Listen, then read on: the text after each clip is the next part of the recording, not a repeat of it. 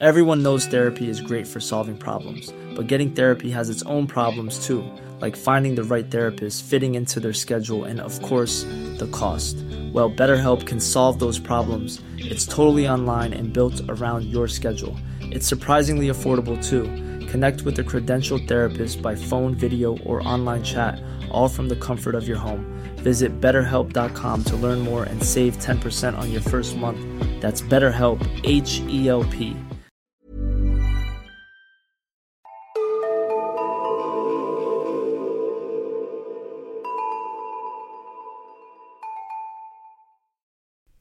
Hej och välkomna till Nära ögat, en true crime-podd för mesar. Mitt namn är Alexandra Kensdottir. Och jag heter Amelia Ingman.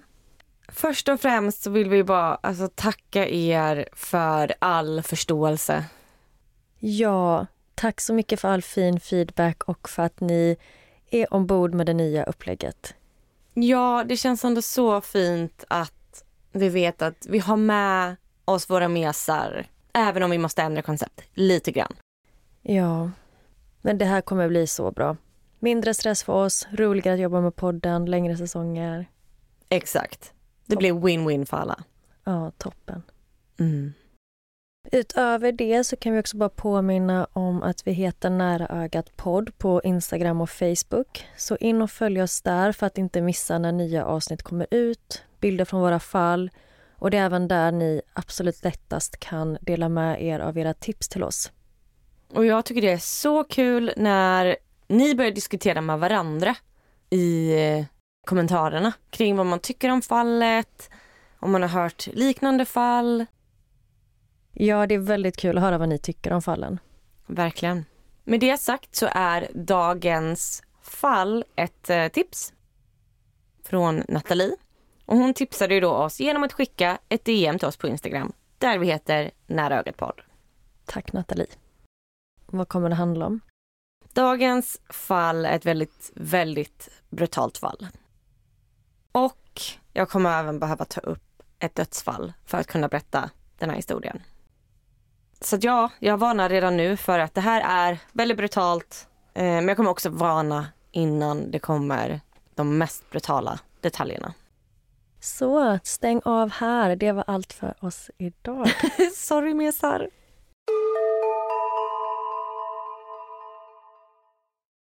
Mina källor idag är ett avsnitt av podcasten Criminal Perspective samt ett avsnitt av Happy Hour Gets Weird. Jag har även läst artiklar från Ranker, Medium och AP News och sett videor från Unseen och Dailymotion. Och dagens fall handlar om Thaddeus Phillips.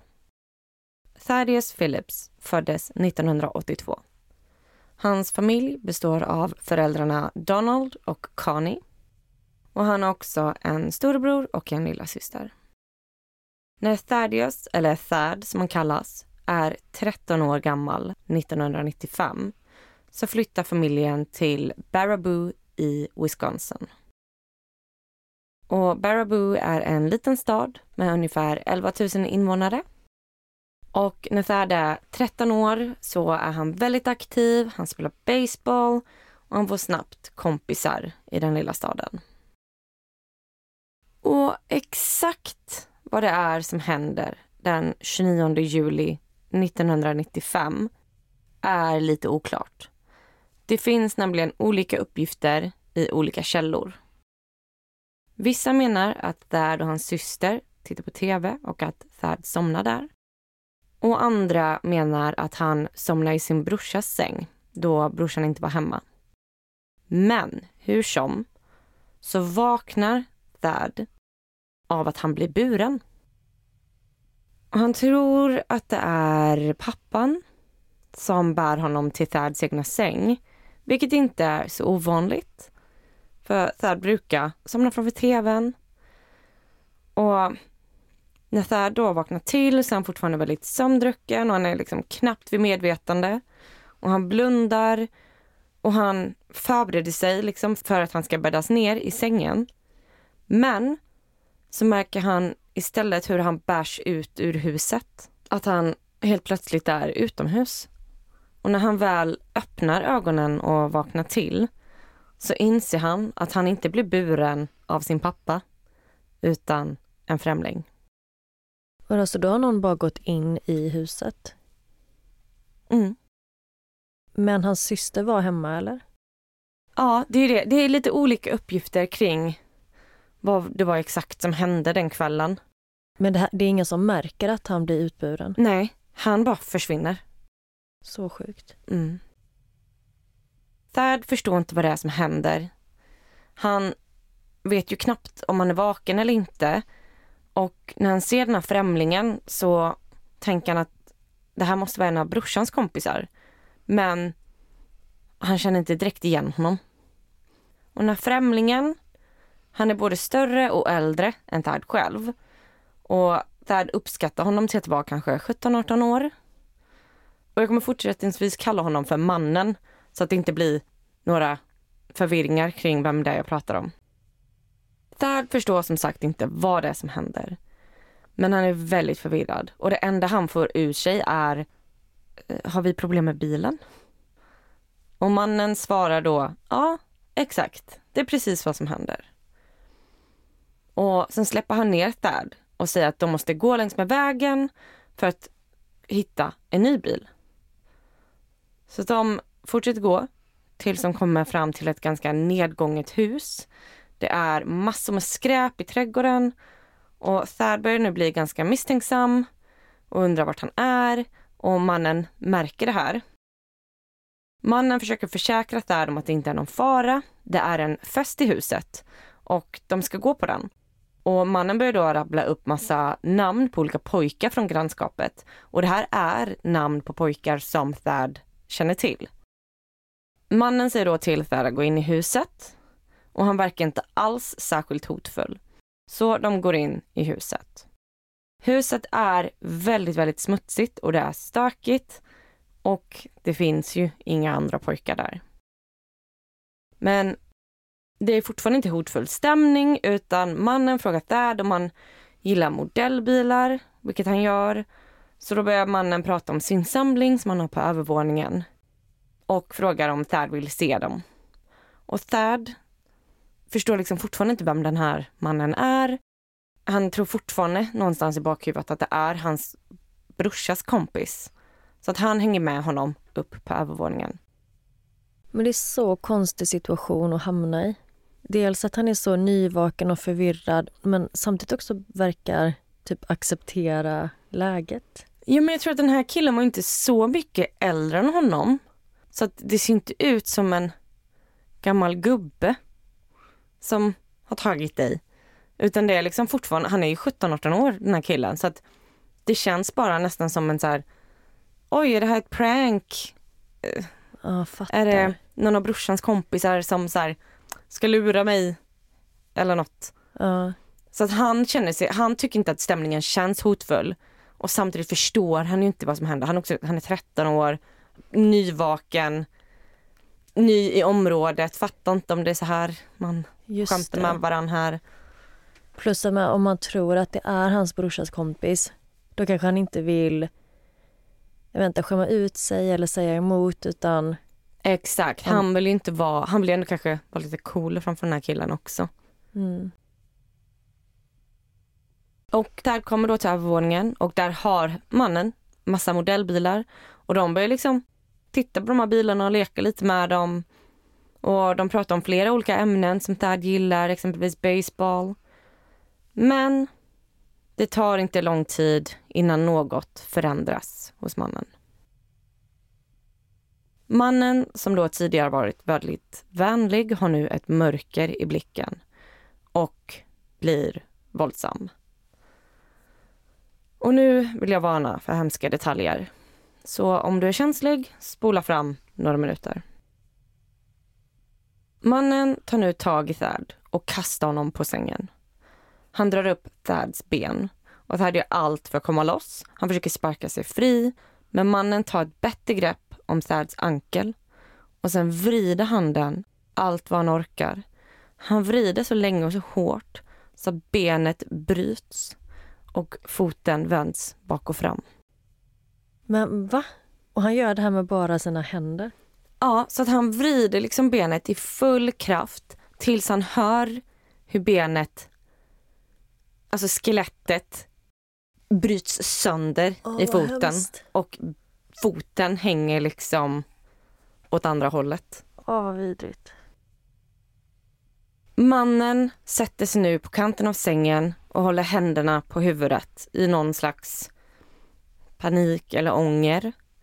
Och Thad hamnar ju i chock. Han känner inte av smärtan på grund av allt adrenalin men han inser att han måste härifrån.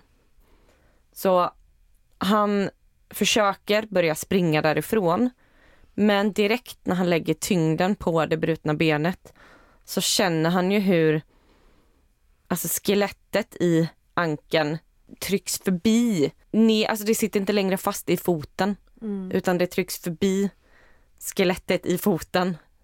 Om ni förstår vad jag menar.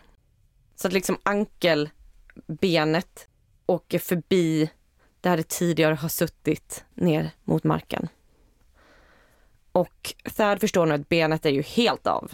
Men i bara panik så lyckas han ta sig ner för trappen och lyckas ta sig in i vardagsrummet innan mannen kommer ikapp honom och tar tag i honom bakifrån. Mannen drar honom bakåt och slänger Thad i soffan.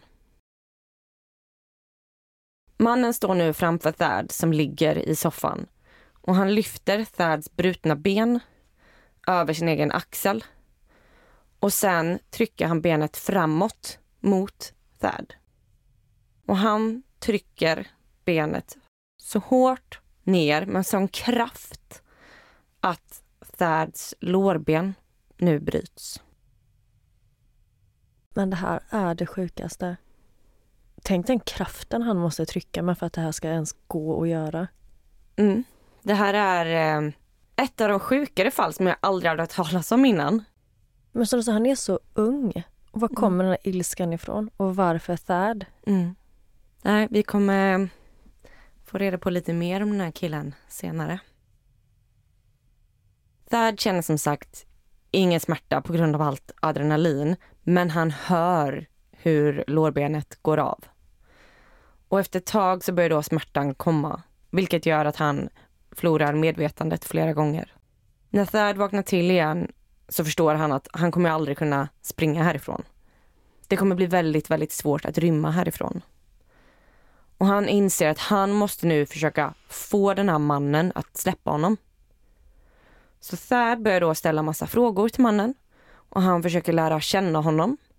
Och han vill ju att den här mannen ska lära känna Thad tillbaka så att förhoppningsvis kanske den här mannen kan se honom som människa och liksom känna för honom och släppa honom fri. Och den här metoden är ju något som vi har berättat om i flera olika fall tidigare. Att man försöker få kidnapparen att se en som människa så att de ska få, jag vet inte, medlidande för en.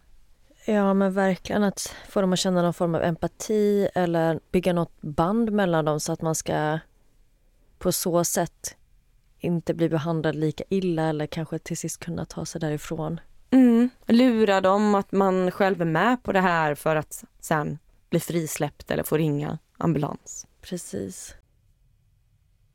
Thad frågar vad mannen heter och han svarar Joe. Och det slutar då med att Joe berättar lite om sitt liv. Han berättar att han bor i det här huset själv med sina bröder. Han berättar att han har en flickvän. Han berättar om sin bil.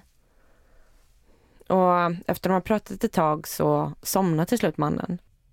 Och då försöker Thad kika runt lite. Han försöker se om han kan hitta något vapen eller någonting att försvara sig med. Men han vågar inte ta sig någonstans och han inser även att han inte kan ställa sig upp för minsta lilla rörelse gör extremt ont. Thad vågar inte somna och han ber till Gud om att mannen ska låta honom bli fri dagen efter. Samtidigt så har ju Donald och Connie, Thads föräldrar, insett att Thad är borta. Och de tror till en början att han har gått ut frivilligt och mött kompisar eller liknande. För ingenting hemma hos dem pekar på något brott. Allt ser ut som det brukar. Det enda är att lampan i köket fortfarande är tänd och den brukar de alltid släcka när de gick och la sig. Men Donald och Connie de åker runt och letar efter Thad Och de liksom söker längs med gatorna och åker runt till olika ställen som han brukar hänga på. Men de kan inte hitta honom. Och dagen efter så åker de och anmäler honom försvunnen. Och medan Donald är ute och kör så sitter Connie bänkad vid hemtelefonen och väntar på att någon ska ringa. Antingen Thad eller polisen. Och när Joe vaknar så frågar Thad om han får ringa sina föräldrar. Och Joe svarar ja. Thad får en telefon och han kan ju knappt tro att han ska få ringa hem. Så han slår sina föräldrars nummer och tar upp telefonen mot örat. Och han hör sen i bakgrunden hur Joe börjar fnissa. Det är ingen signal i telefonen och han har blivit lurad. Thad måste spela med och låtsas som att han inte var en extrem besvikelse. Så de pratar vidare och sen så tittar de på tv i någon timme. Men sen så förändras återigen något hos Joe. Han bär upp Thad för trappan och sen fortsätter han att tortera honom. Den här gången så tar han andra benet, vrider det igen så hårt han kan och med sån kraft att det till slut också bryts av. Alltså, det här är så brutalt. Jag varnade. Ja. Mm, men jag vet, det här är otroligt hemskt. I en ren adrenalinrush så får Thad styrkan att lyfta upp överkroppen och slå Joe i ryggen. Och Joe tar då en kudde och trycker ner över Thads ansikte. Och han säger att om Thad försöker slå eller skada Joe igen så kommer Joe bryta Thads nacke eller rygg. När det lugnat ner sig lite så tar Joe fram skenor till Thads brutna ben. Han har en låda full med vita strumpor som han börjar linda runt Thads brutna ben. Som om det vore bandage eller gips eller liknande. Och Thad frågar då, varför bröt mina ben? Varför har du gjort det här mot mig? Och Joe svarar då att han gillar och fascineras av när ben bryts. Och Thad frågar då varför inte Joe bryter sina egna ben. Och Joe svarar då att han har försökt, men han kan inte riktigt få till vinklarna. Det här är ju så sjukt. Jag har aldrig hört talas om den här typen av, vad ska man kalla det för, fetisch. Mm. Att höra ljudet av ben som bryts. Aldrig heller hört om tidigare. Aldrig hört om någon som har haft den ja, men fetischen eller fascinationen för just det. Alltså man har hört om folk som skadar folk eller skär folk. Men just att så här, bryta folks ben. Men är det då att han vill skada eller är det ljudet av benen som bryts som är det han vill åt? För att jag menar, det här är ju så... Jag vet inte, bara så sjukt. Mm. Gillar du detta? Då? Där. Varsågod, Joe. Cool fact a crocodile can't stick out its tongue. Also, you can get health insurance for a month or just under a year in some states. United Healthcare short term insurance plans, underwritten by Golden Rule Insurance Company, offer flexible, budget friendly coverage for you. Learn more at uh1.com. There's never been a faster or easier way to start your weight loss journey than with PlushCare. PlushCare accepts most insurance plans and gives you online access to board-certified physicians who can prescribe FDA-approved weight loss medications like Wigovi and Zepbound for those who qualify. Take charge of your health and speak with a board-certified physician about a weight loss plan that's right for you. Get started today at plushcare.com slash weight loss. That's plushcare.com slash weight loss. plushcare.com slash weight loss. Thad frågar sen Joe om han gjort det här mot någon annan. Och Joe svarar då att han har gjort det mot två pojkar tidigare som dog av skadorna. Nej. Och han berättar att den ena pojken hette Chris Steiner. Thad förstår att han måste härifrån på ett eller annat sätt. Annars kommer Joe ta det så långt att Thad kommer dö. Och efter ett tag så går Joe ner för trappan och Thad hör då hur han pratar med någon. Men han hör inte hur någon svarar så han förstår då att det måste finnas en annan telefon där nere som fungerar och att han måste hitta den. Och efter ett tag så lämnar Joe huset och då ser Thad sin chans. Och Thad har ju då två brutna ben och ett brutet lårben och han är bara 13 år. Men han slängs ner för sängen och sen så drar han sig över golvet tills han kommer fram till trappan. Och där försöker han till en början att hasa sig ner, alltså med benen framför sig. Men det går inte. Så han inser att det enda sättet för honom att komma ner för trappen är ju att kasta sig ner för den. Så det är det han gör. Han kastar sig själv ner för trappan. Och det här gör ju naturligtvis otroligt ont. Så han svimmar ju av. Och så fort han vaknar till igen så börjar han dra sig mot köket. Men han är nu i sån extrem smärta att han svimmar flera gånger på vägen mot köket. Och när han väl är nästan framme så hör han hur Joe kommer hem. Joe är inte ensam. Han har med sig sin flickvän hem. Och Thad vill inte göra Joe ännu mer upprörd och är därför helt tyst. Joe och flickvännen går till vardagsrummet. De ser inte Thad där han gömmer sig. Och Thad hör hur Joe och flickvännen pratar och hur de sen börjar kyssa varandra. Och efter en stund så lämnar hon huset. Och då går Joe in i köket och ser hur Thad sitter och gömmer sig utanför. Och han blir otroligt arg och säger att det som har hänt hittills har bara varit en uppvärmning för vad som komma skall och att Thads rymningsförsök kommer få konsekvenser. Dagen efter blir Thad återigen misshandlad. Joe hoppar då på Thads redan krossade ben och Thad förstår att Joe kommer ju döda honom. Och han måste få hjälp nu. Han måste komma åt den här telefonen på nedervåningen. Thad vet att Joe väntar på sin flickvän. Och Thad säger sig hela tiden höra henne. Vilket gör att Joe slutar upp att misshandla honom, går och tittar i fönstret. Flickvännen är inte där och så går han tillbaka. Men till slut så kommer ju flickvännen på riktigt. Och Joe tar då Thad och trycker in honom i en garderob och låser dörren. Allt för att han inte ska rymma. Thad hör hur Joe och flickvännen lämnar huset och hur en bil startas. Så Thad sitter där i den här garderoben och börjar leta efter saker eller verktyg eller vapen som han kan använda sig av för att komma ut ur garderoben.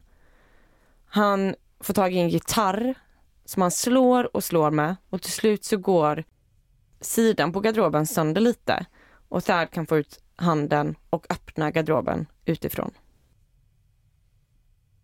Han drar sig återigen över golvet. Fram till trappan där han kastas ner igen.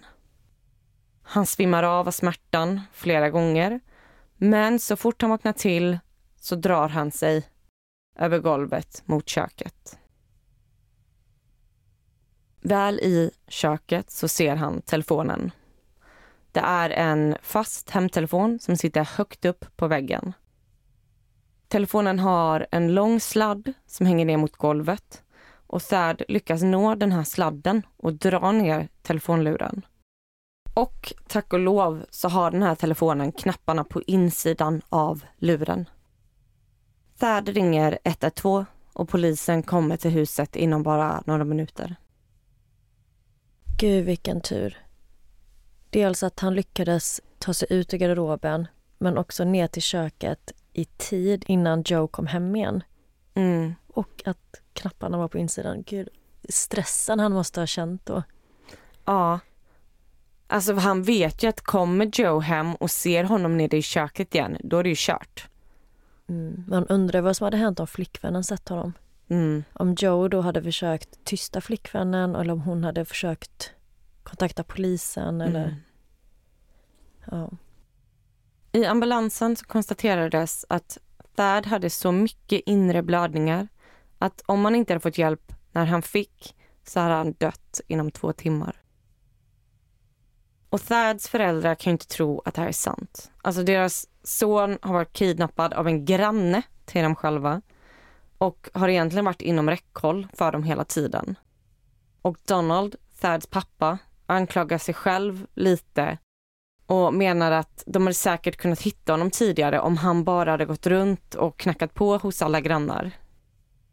Men deras son lever. Och inte nog med det så har han även en massa information om gärningsmannen Joe. Joe berättade ju att han hade gjort detta tidigare mot två pojkar som dött. Och han sa ju att ena killen hette Chris någonting.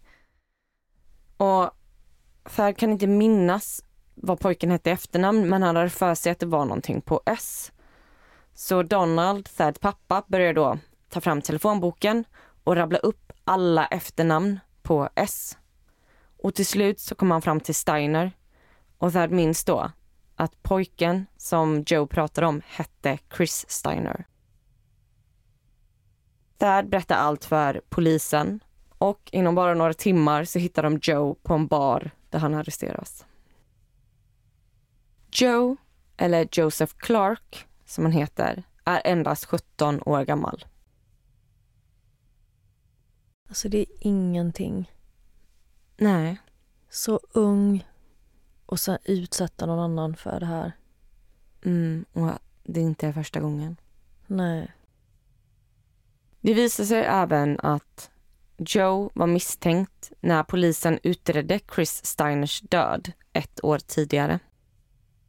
Chris Steiner hade försvunnit från sitt hem natten den 4 juli 1994. De kunde bland annat se att nätfönstret till hans sovrum var sönder och att det fanns fotspår på platsen som var några storlekar större än Chris egna fotspår. De kunde även se att altandörren var öppen. Så det fanns flera saker som pekade på att Chris inte hade försvunnit frivilligt. Chris föräldrar började fråga runt i samhället och ett namn dök upp flera gånger. Joseph Clark. Och Joseph beskrivs som en mobbare som betett sig väldigt underligt. Men de har inga bevis för att han har gjort någonting och det fanns egentligen ingenting förutom hörsägen att gå på. Och 10 juli så hittades Chris kropp i en sjö i närheten. Och hans kropp var väldigt illa tilltygad men de konstaterade att dödsfallet berodde på drunkning så att allt lades ner. Men när då polisen får höra vad Thad säger så väljer de att öppna upp Chris fall igen. Och de gräver upp hans grav och röntgar kroppen. Och det visar sig att Chris ben var brutna på exakt samma sätt som Thads. Thad spenderar lång tid på sjukhus och läkarna jobbar hårt för att återställa Thads ben och lårben. Och när rättegången väl hålls 1996 så är Thad tillräckligt återställd för att kunna vara med och vittna. För han vill nämligen inget hellre än att vittna mot Joe och sätta dit honom för det han gjort. Och under rättegången så hävdar Joe att han inte minns något av händelsen. Men att Thad på något sätt brutit sina egna ben. Thad vittnar om allt och han berättar både allt som Joe sagt om Chris Steiner men även allt som hände honom själv. Hur hans ben blev så hårt vridna att hans fot till slut pekade åt fel håll. Under rättegången så kom det fram att Joe hade en lista hemma i ett block. Och där fanns det tre kolumner med olika namn på pojkar från grannskapet. Och rubrikerna på de här olika kolumnerna var Get to know, Can't wait och den tredje hette Leg thing. Joe blir dömd till 100 års fängelse. Men åklagaren vill ha ytterligare en rättegång för mordet på Chris Steiner. Thad blir tillfrågad att vittna en gång till, vilket han vill. Så Joe dömdes till 100 år för det han utsatte Thad för? Ja. Gud, jag trodde inte han skulle få så långt straff med tanke på hans unga ålder. Så det är liksom kidnappning och tortyr då eller? Ja, och nu ska de då ha ytterligare en rättegång för det som hände Chris. Och en dag under tiden i väntan på den andra rättegången så kommer det en 15-årig pojke hem till Thad. Och den här pojken heter Michael Husbers. Och han skjuter Thad två gånger med ett jaktgevär. Va? Mm. Och en jämngammal pojke? Ja, en 15-årig kille. Och otroligt nog så överlever Thad även detta dåd. Men då är det Joe som har fått honom att göra det eller vad, vad händer? Man kan inte bevisa någonting, men det visar sig att Michael var en granne till Joe. Och man misstänker då att detta förmodligen är kopplat till att han skulle vittna återigen mot Joe. Men som sagt bevisades aldrig och jag har hittat väldigt lite information kring vad som hände. Men vad sjukt allt som Thad har tvingats gå igenom. Och så Mm. kommer den här killen från ingenstans. Och han överlever detta också. Ja. Och det som egentligen händer då det är bara att den andra rättegången blir framskjuten på grund av detta. Men när den väl hålls så är Thad där och han vittnar en gång till. Och tack vare Thads vittnesmål så döms alltså Joe inte bara till 100 års fängelse utan också ytterligare en livstidsdom utan chans till villkorlig frigivning.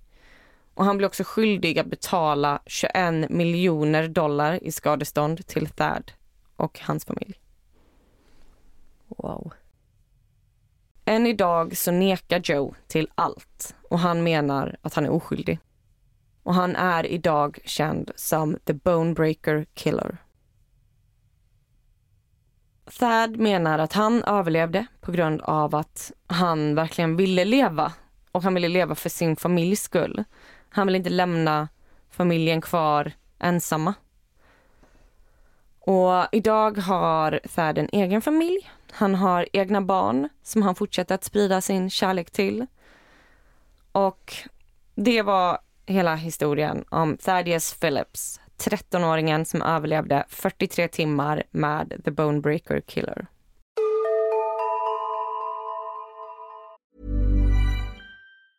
Planning for your next trip? Elevate your travel style with Quince. Quince has all the jet setting essentials you'll want for your next getaway, like European linen, premium luggage options, buttery soft Italian leather bags, and so much more. And is all priced at 50 to 80% less than similar brands. Plus, Quince only works with factories that use safe and ethical manufacturing practices. Pack your bags with high-quality essentials you'll be wearing for vacations to come with Quince. Go to quince.com slash pack for free shipping and 365-day returns.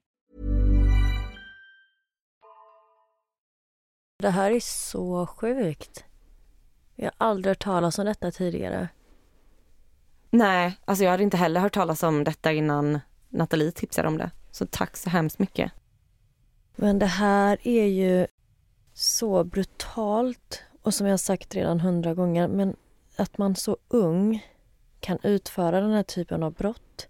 Mm. Vet vi någonting om Joes bakgrund eller uppväxt eller? Ja, alltså Joe blev bortadopterad som barn. Hans... Eh, man vet ingenting egentligen om hans biologiska föräldrar. Men hans adoptivföräldrar var alkoholister. Men han menar att de var välfungerade och att han fortfarande hade en bra uppväxt.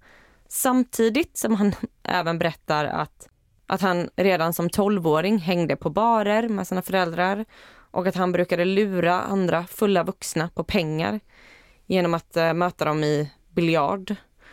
Och först låtsas vara väldigt dålig på det och sen få dem att satsa pengar och sen vinna över dem på något sätt. Och Joe har även en sak som är gemensam med många seriemördare eller mördare. Han har haft en väldigt svår huvudskada. Han eh, slog i huvudet i en cykelolycka när han var 15 och fick väldigt, väldigt svårt trauma mot huvudet.